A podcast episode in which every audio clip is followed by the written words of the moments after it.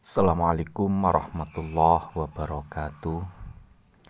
Ala hadiniyah wa ala kulli niyatin sholihah. Ila hadratin nabiyil mustafa Sayyidina Muhammadin sallallahu alaihi wasallam Wa ila hadratin wa dhuriyati wa ikhwanihi minan nabiyyin wal mursalin Wa ala kullin wa sabi kullin ajma'in wa Summa ala atrati aimatil arba'ati minal mujtahidin wa syuhada wa sholihin Wa Misyarik al-adil magharibiha barriha wa bahriha wa biladiha wa jibaliha wa audadiha رباني والعارف أسمى داري شعب القادر الجيلاني وشاب الحسن الشاذلي شاب حميد الغزالي وشاب يزيد البستامي وشاب البشعراني وشاب متمكن كتن بعد وجمع الأولياء سفل الجوي رضي الله عنهم.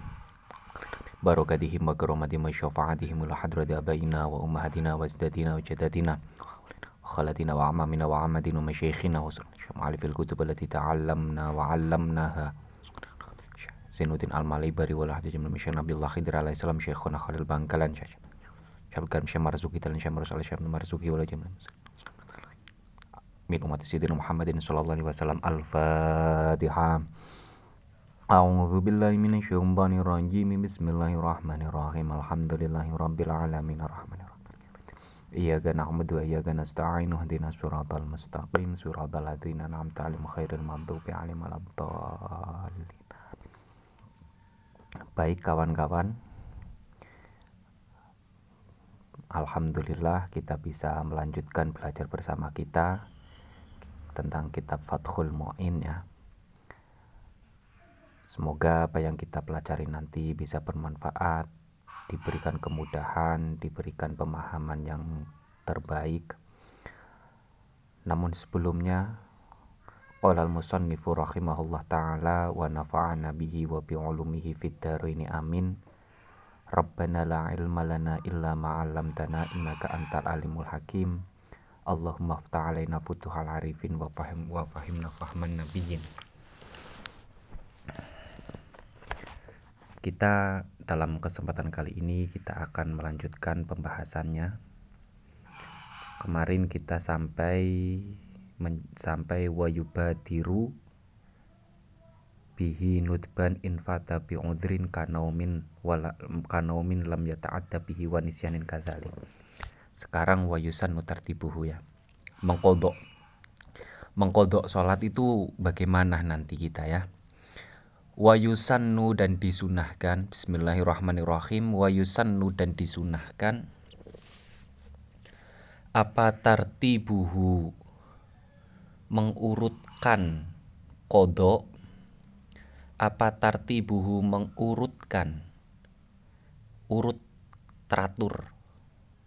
Wa, ur, wa tartib tartibuhu mengurutkan kodo ay alfa ita yakni solat yang tertinggal yang ditinggalkan.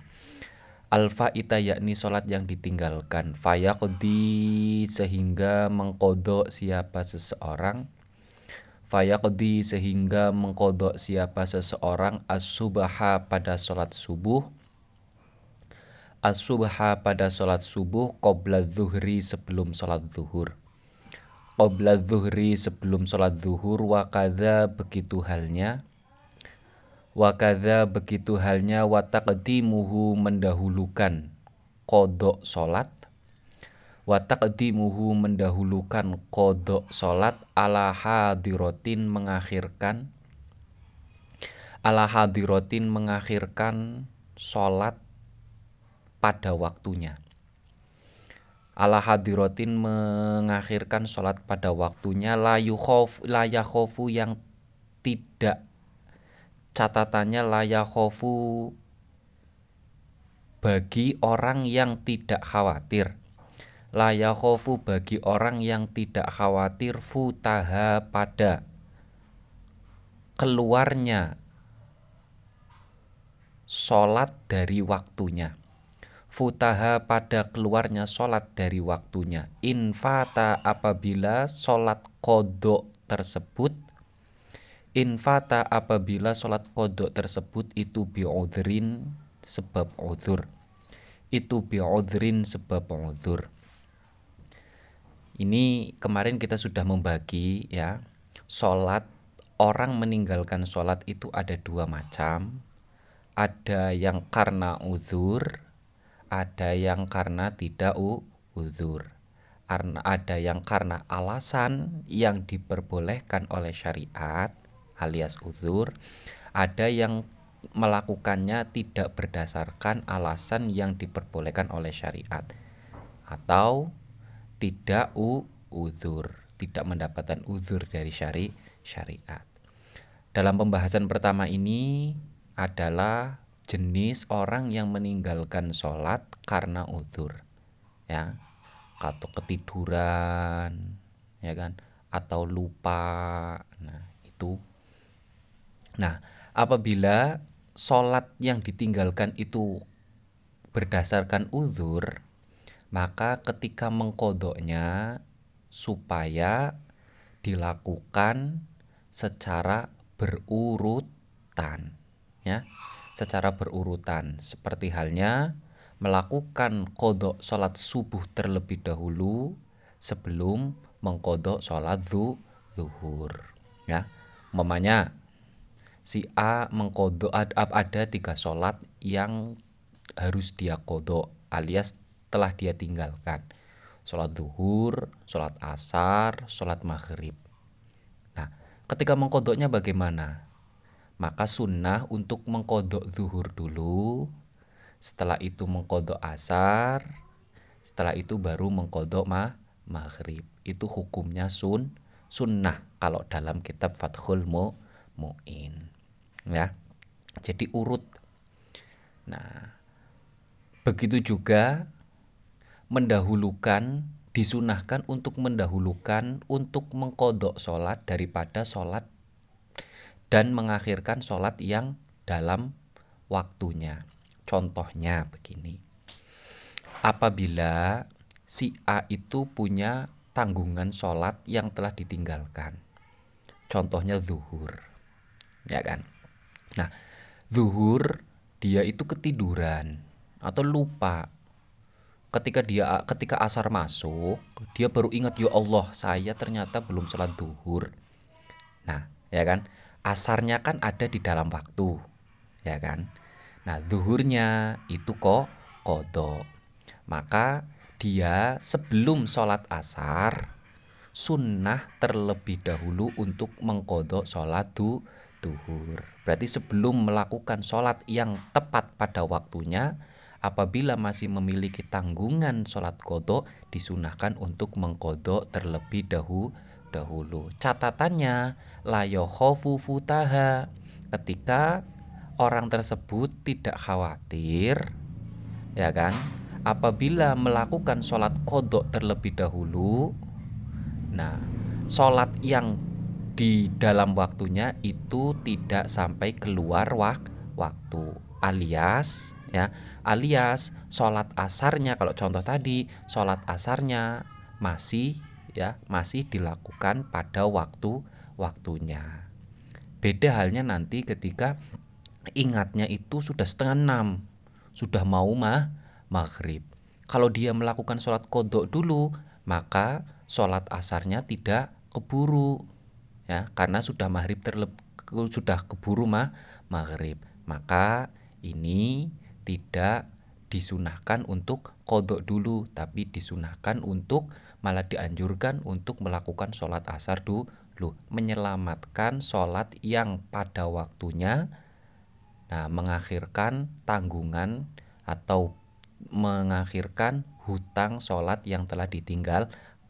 Apabila sholat pada waktunya itu eh, khawatir ya khawatir akan kehabisan wak waktu. Tapi wa in khosya meskipun wa in khosya meskipun orang tersebut wa in khosya meskipun orang tersebut takut khawatir wa in khosya meskipun orang tersebut khawatir futa jamaatiha e, tertinggal tertinggal sholat jamaah tertinggal sholat jamaah alal mu'tamadi menurut kaul mu'tamad. Nah, mendahulukan sholat kodok ya dan mengakhirkan sholat hadiro, sholat pada waktunya dengan catatan sholat yang pada waktunya tidak apa tidak dikhawatirkan akan apa akan dengan catatan tidak akan ke khawat, tidak tidak khawatir akan kehabisan waktu.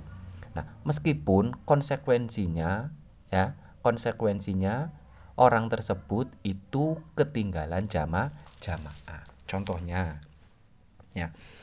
Sholat duhurnya kodo ketika duhu ketika asar dia baru ingat.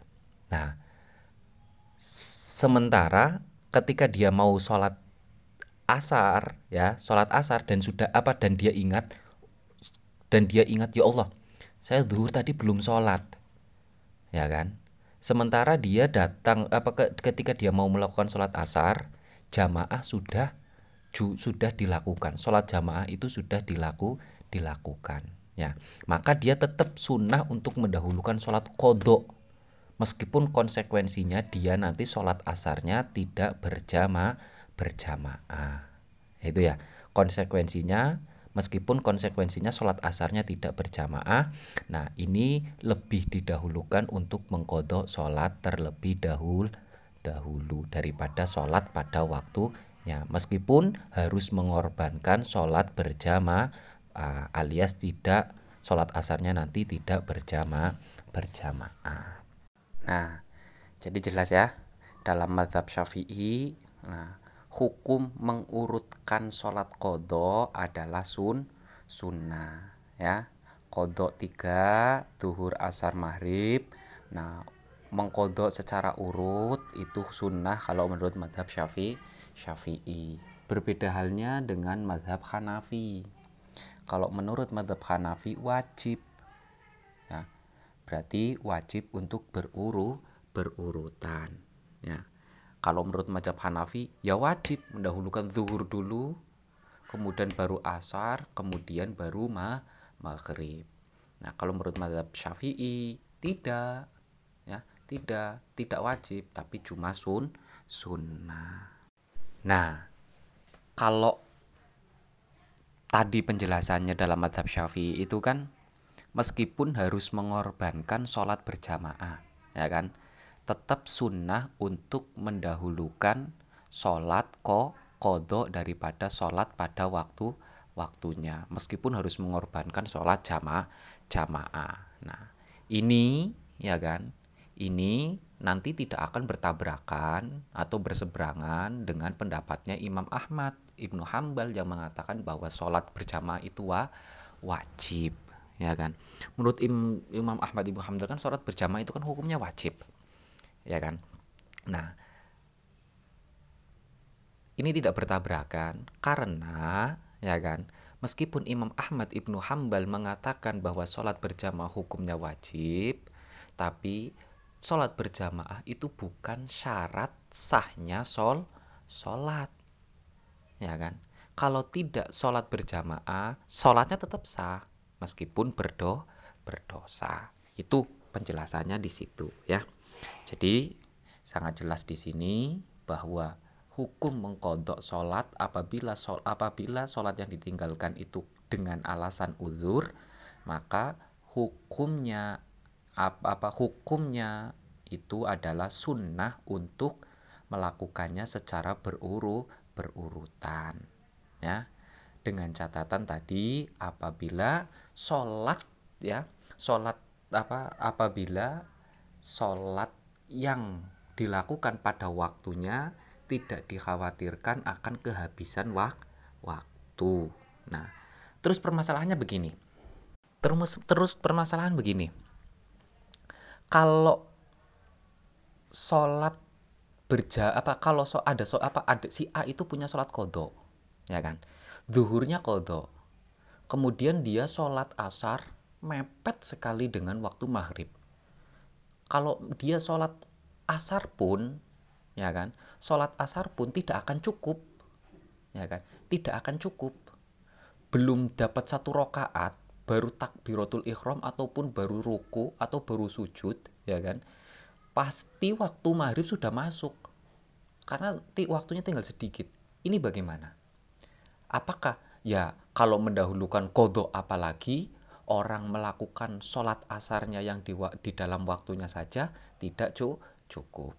Ini ada penjelasan, ada sebuah keterangan, dia disunahkan dianjurkan untuk mendahulukan sholat kodoknya dan mengakhirkan sholat yang apa yang pada waktu waktunya. Karena konsekuensinya sama ya karena konsekuensinya sah sama. Sholat sholat yang pada waktunya itu statusnya akan menjadi sholat ko kodok ya. Umpamanya ya umpamanya. Kurang setengah menit lagi sholat maghrib dia baru sholat asar ya kan? Nggak cukup satu rokaat dalam setengah menit umpamanya nggak cukup dia. Nah maka sementara dia sementara dia punya tanggungan sholat zuhur yang kodo dan sholat asar yang pada waktu waktunya maka dia nah, maka dia si A itu disunahkan untuk mendahulukan sholat duhurnya dan nanti sholat asarnya statusnya adalah ko kodo. Kalau redaksinya begini wa indoko al waktu jiddan bihaitsu la yasa'u atan kudima alfa itatu alfa it alfa itata li anna sahibal wakti sorot fa itatan ya apabila waktunya sempit sekali sekiranya tidak cukup untuk melakukan satu rokaat ya kan maka lebih didahulukan untuk mengkodok mengkodok sholat daripada sholat pada waktu waktunya dan mengakhirkan sholat yang pada waktunya. Karena sholat yang pada waktunya meskipun dilakukan juga tetap ujungnya adalah ko kodo kalau sholatnya itu adalah sholat bi apa meninggalkannya sholat karena u udur bagaimana kalau meninggalkan sholatnya karena tidak ada tidak ada alasan udur tidak ada uzurnya? Wa idza fata apabila sholat tersebut ditinggalkan. Wa idza fata apabila sholat tersebut ditinggalkan bila uzrin dengan tanpa uzur? Bila uzrin dengan tanpa uzur fayajibu maka wajib. Fayajibu maka wajib. Apa takdimuhu mendahulukan sholat kodok apa takdimuhu mendahulukan sholat kodok ha alaiha mengakhirkan sholat pada waktunya alaiha mengakhirkan sholat pada waktunya Amma idha khofa adapun ketika orang tersebut khawatir. Amma idha khofa adapun ketika orang tersebut khawatir futal hadiroti. Futal hadiroti sholat pada waktunya keluar de, apa kehabisan apa futal hadiroti habisnya waktu sholat pada waktunya biayakoa dengan gambaran terjadi biayakoa dengan gambaran terjadi apa ba'duha sebagiannya hadiroh sholat pada waktunya wa in kolla meskipun sedikit wa in meskipun sedikit kharijal waktu terjadi kharijal waktu di luarnya waktu sholat. Kharijal waktu di luarnya waktu sholat fayal zamuhu maka wajib baginya. Fayal zamuhu maka wajib baginya apa al-bad'u mendahulukan? Apa al-bad'u mendahulukan biha pada sholat pada waktunya? A, biha pada sholat pada waktunya nah sementara kalau sholat kodoknya itu adalah bila udrin ya meninggalkan sholatnya karena tanpa uzur, maka wajib untuk mendahulukan sholat kodok dan wajib untuk mengakhirkan sholat pada waktu waktunya. A ya zuhur itu sengaja dia tidak sholat. Nah, ketika masuk waktu asar, ya kan, sebelum dia sholat asar, dia wajib untuk mengkodok sholat duhur terlebih dahulu. dahulu wajib mengkodok sholat duhur terlebih dahulu baru setelah mengkodok sholat duhur dia boleh untuk melakukan sholat as asar permasalahannya kecuali ketika ya ketika kecuali ketika sholat asar apa mendahulukan sholat kodok dan sebagian dari sholat asarnya itu akan terjadi di luar wak waktu. Umpamanya sholat apa umpamanya waktunya tinggal umpamanya waktu asar tinggal dua menit. Sementara apabila dia mengkodok sholat duhur terlebih dahulu ya kan? Gini dah oh di, di, dilamain lagi. Sholat asa apa waktunya tinggal 5 menit. Apabila dia mengkodok sholat apa mengkodok sholat dulu mengkodok sholat duhur dulu ya kan? Sholat duhur butuh waktu umpamanya. Dia butuh waktu 4 rakaat itu adalah tiga menit ya kan? Sisanya berarti dua me, dua menit ya kan? Kalau dia sholat sholat kodok dulu ya kan? Kemudian baru sholat asar maka sebagian dari rokaat sholat asar itu akan apa belum apa sebelum sebelum dia selesai sholat asar waktu maghrib sudah masuk alias sholat asarnya sudah alias sholat waktu asarnya sudah habis ya kan? Baru tiga rokaat waktu asar sudah habis berarti kan sholat asarnya tinggal satu rakaat lagi ya kan? Maka kalau kasusnya ini dia wajib untuk mendahulukan sholat asar dulu baru setelah itu dia mendahulukan dahulu dia melakukan sholat ko nah iya itu ketentuannya apabila sholat asar yang dilakukan nah, apabila sholat yang asar yang dilakukan dengan mendahulukan sholat kodok sholat asarnya akan e, sebagian rokaat dalam sholat asarnya ya, akan kehabisan waktu waktu alias dilakukan di luar waktu so sholat. Nah itu baru boleh untuk mendahulukan sholat asar. Itu ya. Gambarnya begitulah. Kalau ada sebagian apa kalau sholatnya kalau meninggalkannya karena udur maka mendahulukan sholat kodok daripada sholat pada waktunya hukumnya sun sunnah. Tapi kalau sholatnya tanpa meninggalkan sholatnya tanpa udur mendahulukan sholat kodok daripada sholat pada waktunya adalah wa, wajib. Kecuali apabila melakukan apabila melakukan sholat kodok terlebih dahulu maka akan mengorbankan sholat asar di luar waktu. Maka dia boleh bahkan wajib untuk mendahulukan sholat asarnya ya daripada melakukan sholat kodok kodoknya. Itu ya. Sudah perbedaan itu, khilaf itu sudah dijelaskan.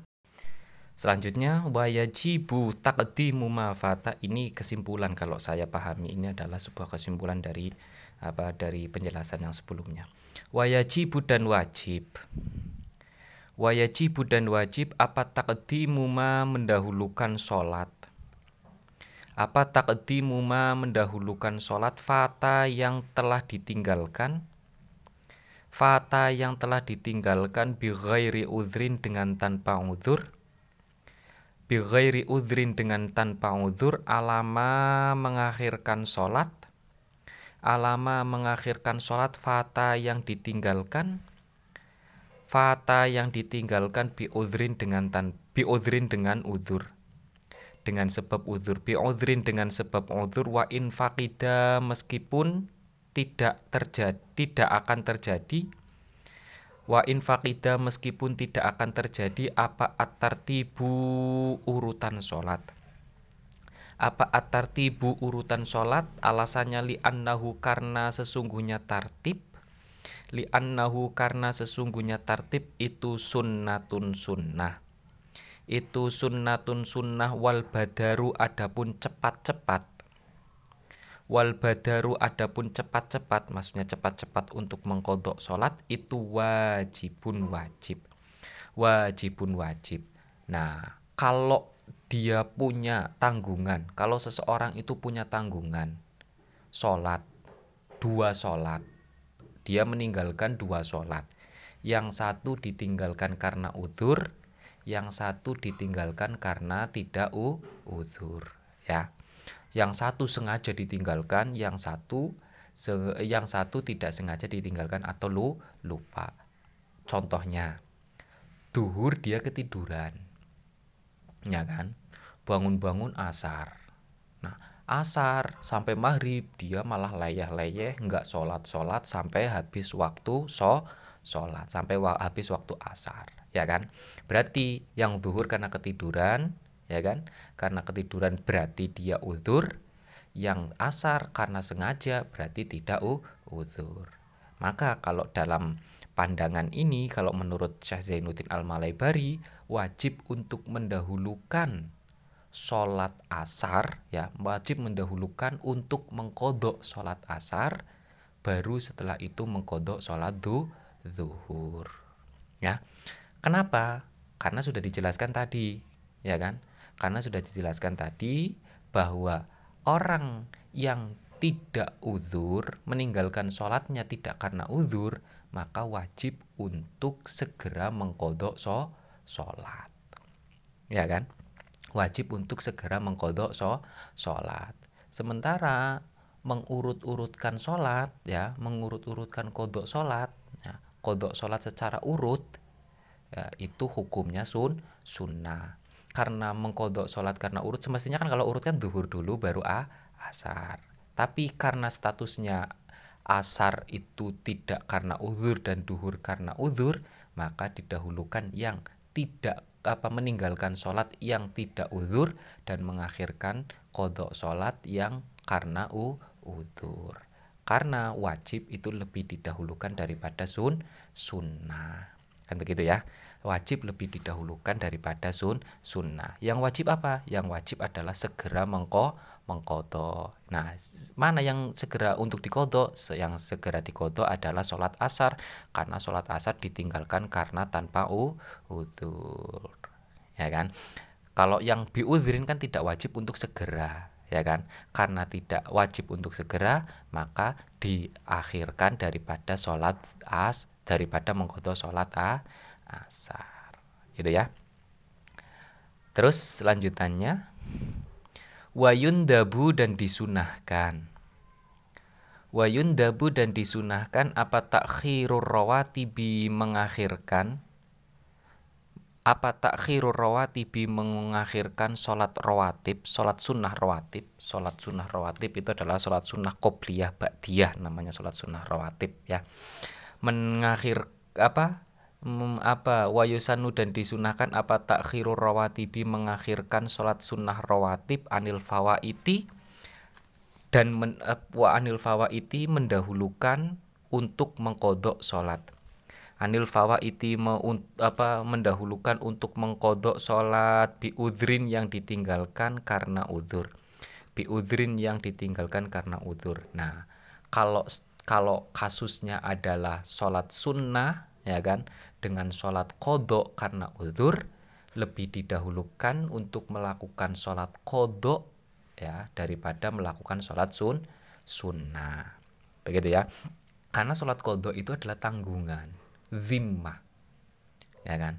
Karena sholat kodok adalah tanggungan atau zim zimma tanggungan hutang itu adalah lebih baik untuk segera diba dibayar. Ya kan? Lebih baik untuk segera diba dibayar. Beda dengan sholat sunnah rawatib. Sholat sunnah rawatib bukan timah bukan tanggungan bukan hu hutang tapi anjur anjuran. Ya kan? Makanya lebih didahulukan untuk membayar hutang daripada melakukan anjur anjuran. Nah makanya kalau ada orang yang memiliki sholat kodok ya kan? Ada orang yang memiliki sholat tanggungan sholat kodok Nah, dia lebih dianjurkan untuk mengkodok sholat sholat itu daripada melakukan sholat sun sunnah. Begitu. Wajibu dan wajib. Wajibu dan wajib apa takhiruha mengakhirkan rawatib apa takhiruha mengakhirkan rawatib? Anil fawaiti mendahulukan mengkodok sholat. Anil fawaiti mendahulukan untuk mengkodok sholat bi udrin dengan sebab tanpa udur bi ghairi udrin dengan sebab tanpa udur bi ghairi udrin dengan sebab tanpa udur tapi kalau sholat kodoknya itu bi ghairi udrin tanpa ada udur meninggalkan sholatnya karena tidak ada udur maka wajib untuk mendahulukan sholat kodok daripada melakukan sholat rawa rawatib. Jelas ya? Kalau meninggalkan sholatnya karena udur, sunnah untuk mendahulukan ya sunnah untuk mendahulukan sholat kodok dan mengakhirkan sholat rawatib sholat sunnah rawatib. Kalau sholat kodoknya karena tidak ada uzur ya kan? Sholat kodoknya tidak ada uzur maka wajib untuk mendahulukan sholat kodok daripada sholat sunnah rawa rawatib. Ketentuannya ya kata kuncinya adalah uzur atau ti tidak. Di situ tanbihun. Tanbihun pengingatan peringatan. Man mata wa alaihi sholatu fardin lam tukdo walam tufda anhu. Man barang siapa?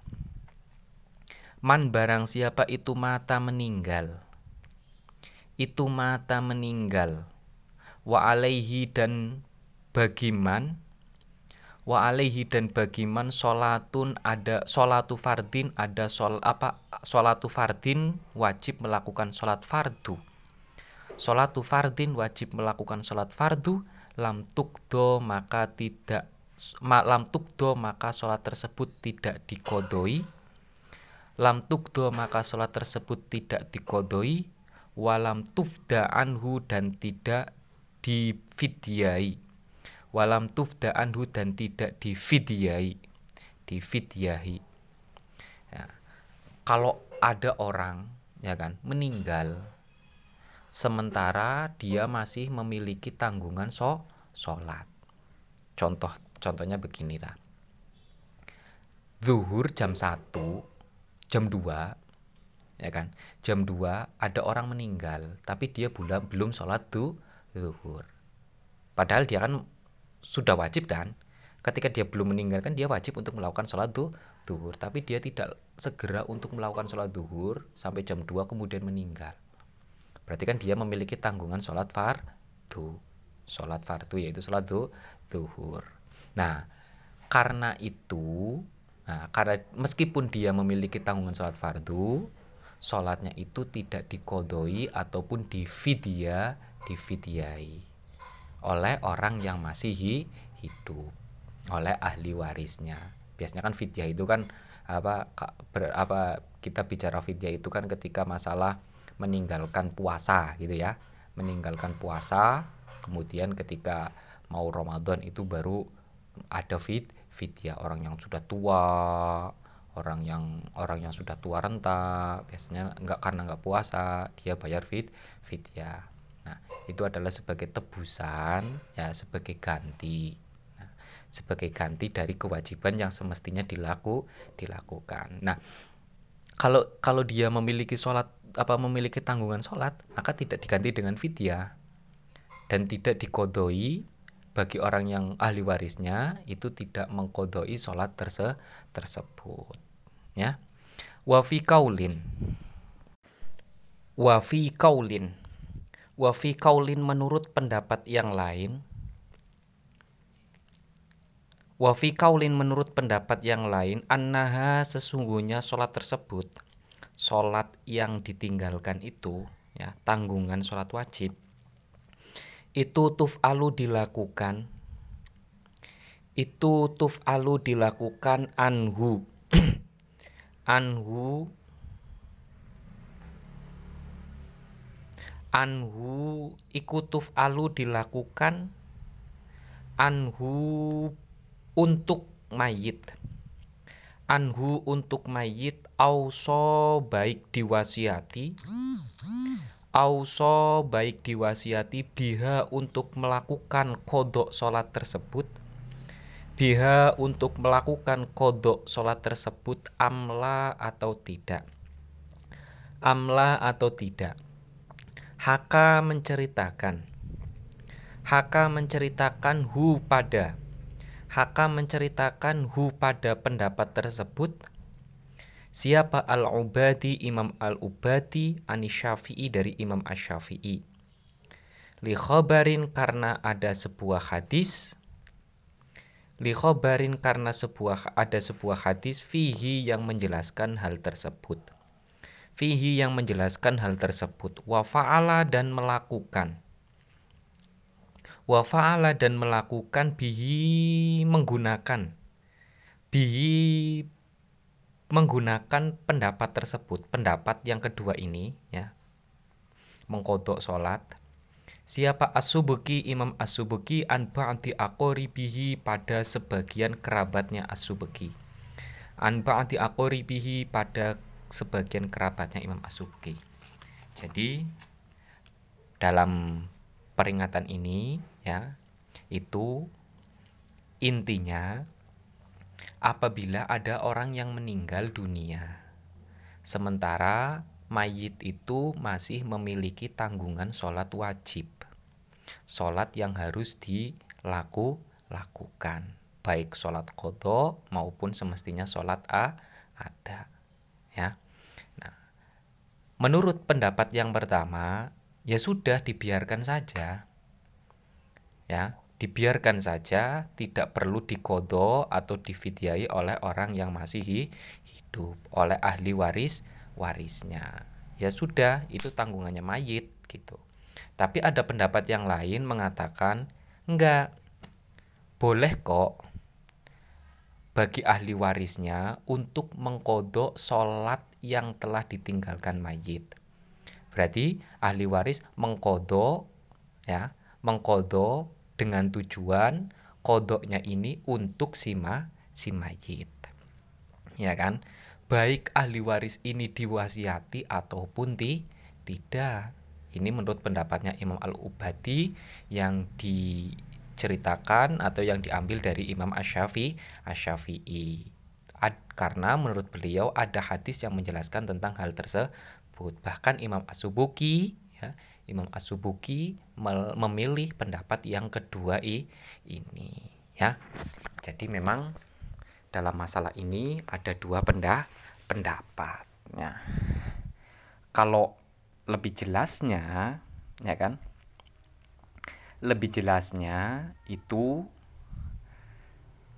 pendapat yang mengatakan boleh ya boleh untuk mengkodok di antaranya tendensinya adalah sebuah hadis. Kalau dalam I'an atau Tolibin dijelaskan itu adalah hadisnya Imam Al-Bukhari dan selainnya Imam Al-Bukhari, ya kan? Kemudian eh, pendapatnya itu juga diamini atau diiyakan atau di lebih dipilih oleh di antaranya Imam As-Subuki, ya. Kedua oleh Imam Al-Obadi, ya. Kemudian oleh Ibnu Burhan ya. Imam Ibnu Burhan Imam Ibnu Burhan itu mengambil atau mengambil dari pendapatnya kaul kodimnya Imam Asyafi Imam Asyafi'i ya kan bahkan Imam Al-Muhib At-Tabari bahkan Imam Al-Muhib At-Tabari itu mengatakan pahalanya pahala ibadah kodok itu bisa sampai kepada may mayit. Kalau pahalanya bisa sampai kepada mayit berarti tanggungannya mayit itu sudah sudah gugur, sudah lu lunas ya. Itu. Nah, wa fi syarhil mukhtar ya kan? Wa fi syarhil mukhtar mu'al li mu'allifihi madhabi ahli sunnah annal insan ayyaj'ala thawaba amalihi wa salatihi li ghairi wa yasilihi. Bahkan dalam syarah al-mukhtar dijelaskan bahwa seseorang ya kan melakukan apa boleh melakukan sholat melakukan puasa ya kan boleh melakukan sholat dan pahalanya itu ditujukan kepada orang lah orang lain. Itu boleh ya kan? Tapi menurut Imam Abu Hanifah ya kan? Menurut Imam Abu Hanifah nggak nggak perlu untuk dikodok ya. Nggak perlu untuk dikodok. Tapi sebagai gantinya ya kan? Sebagai gantinya di diganti menjadi fit fidya ya kan? Diganti menjadi fit fidya dengan catatan apabila ahli warisnya itu diwasiati untuk melakukan fidyah terse tersebut. Kalau tidak di wasiati ya maka di, tidak. Itu menurut pendapat pendapatnya Imam Abu Hanif Hanifah. Ya kan? Kemudian menurut pendapatnya Imam Asy-Syafi'i ya kan? Menurut pendapatnya Asy-Syafi'i ya pengikutnya Imam Asy-Syafi'i ya kan? Eh wa fi wajhin alaihi katsiruna min ashabina annahu yut'imu angkulli salatin muddan. Nah kalau tidak dikodo ya kalau tidak dikodo maka boleh untuk diganti kafar kafaro satu solatan itu adalah satu satu mud ya kan? Satu mud ukurannya nanti bisa dilihat dalam perbedaan ulama ada uh, antara Arafi dan Ar-Rombli kalau uh, antara Arafi dan An-Nawawi kalau nggak salah itu berbeda. Itu klarifikasinya beda beda beda kalau nggak salah. Kita mengikuti yang mana berapa kilo itu ya. Nah ada yang mengatakan kalau nggak dikodo juga boleh untuk digantikan dengan kifaroh ya kan? Tadi kan kalau dalam Fathul Mu'in itu kan diganti dengan ko kodok ya kan? Tapi ada pendapat yang lain dalam I'anatul Talibin itu dijelaskan boleh untuk diganti dengan kafar kafaro. Seperti seperti halnya puas puasa ya. Kalau meninggalkan puasa boleh untuk dikodokkan oleh orang lain boleh untuk diganti dengan kafar kafaro ya. Itu adalah dua pendapat. Nah dua pendapat di antara para ulama terkait tentang masalah orang yang meninggal dan masih memiliki tanggungan sol, sholat atau ibadah wajib lain lainnya, sholat, puasa, dan lain sebagainya. Itu ya. Semoga apa yang kita pelajari cukup sekian ya. Semoga apa yang kita pelajari bisa bermanfaat. Alhamdulillahirrabbilalamin. Allahumma inna nastaudi'uka ma'alam tanah fardut ilaina indah hajatina ilahi ya rabbal alamin. Kurang lebihnya mohon maaf. Bila taufiq wal hidayah. Wassalamualaikum warahmatullahi wabarakatuh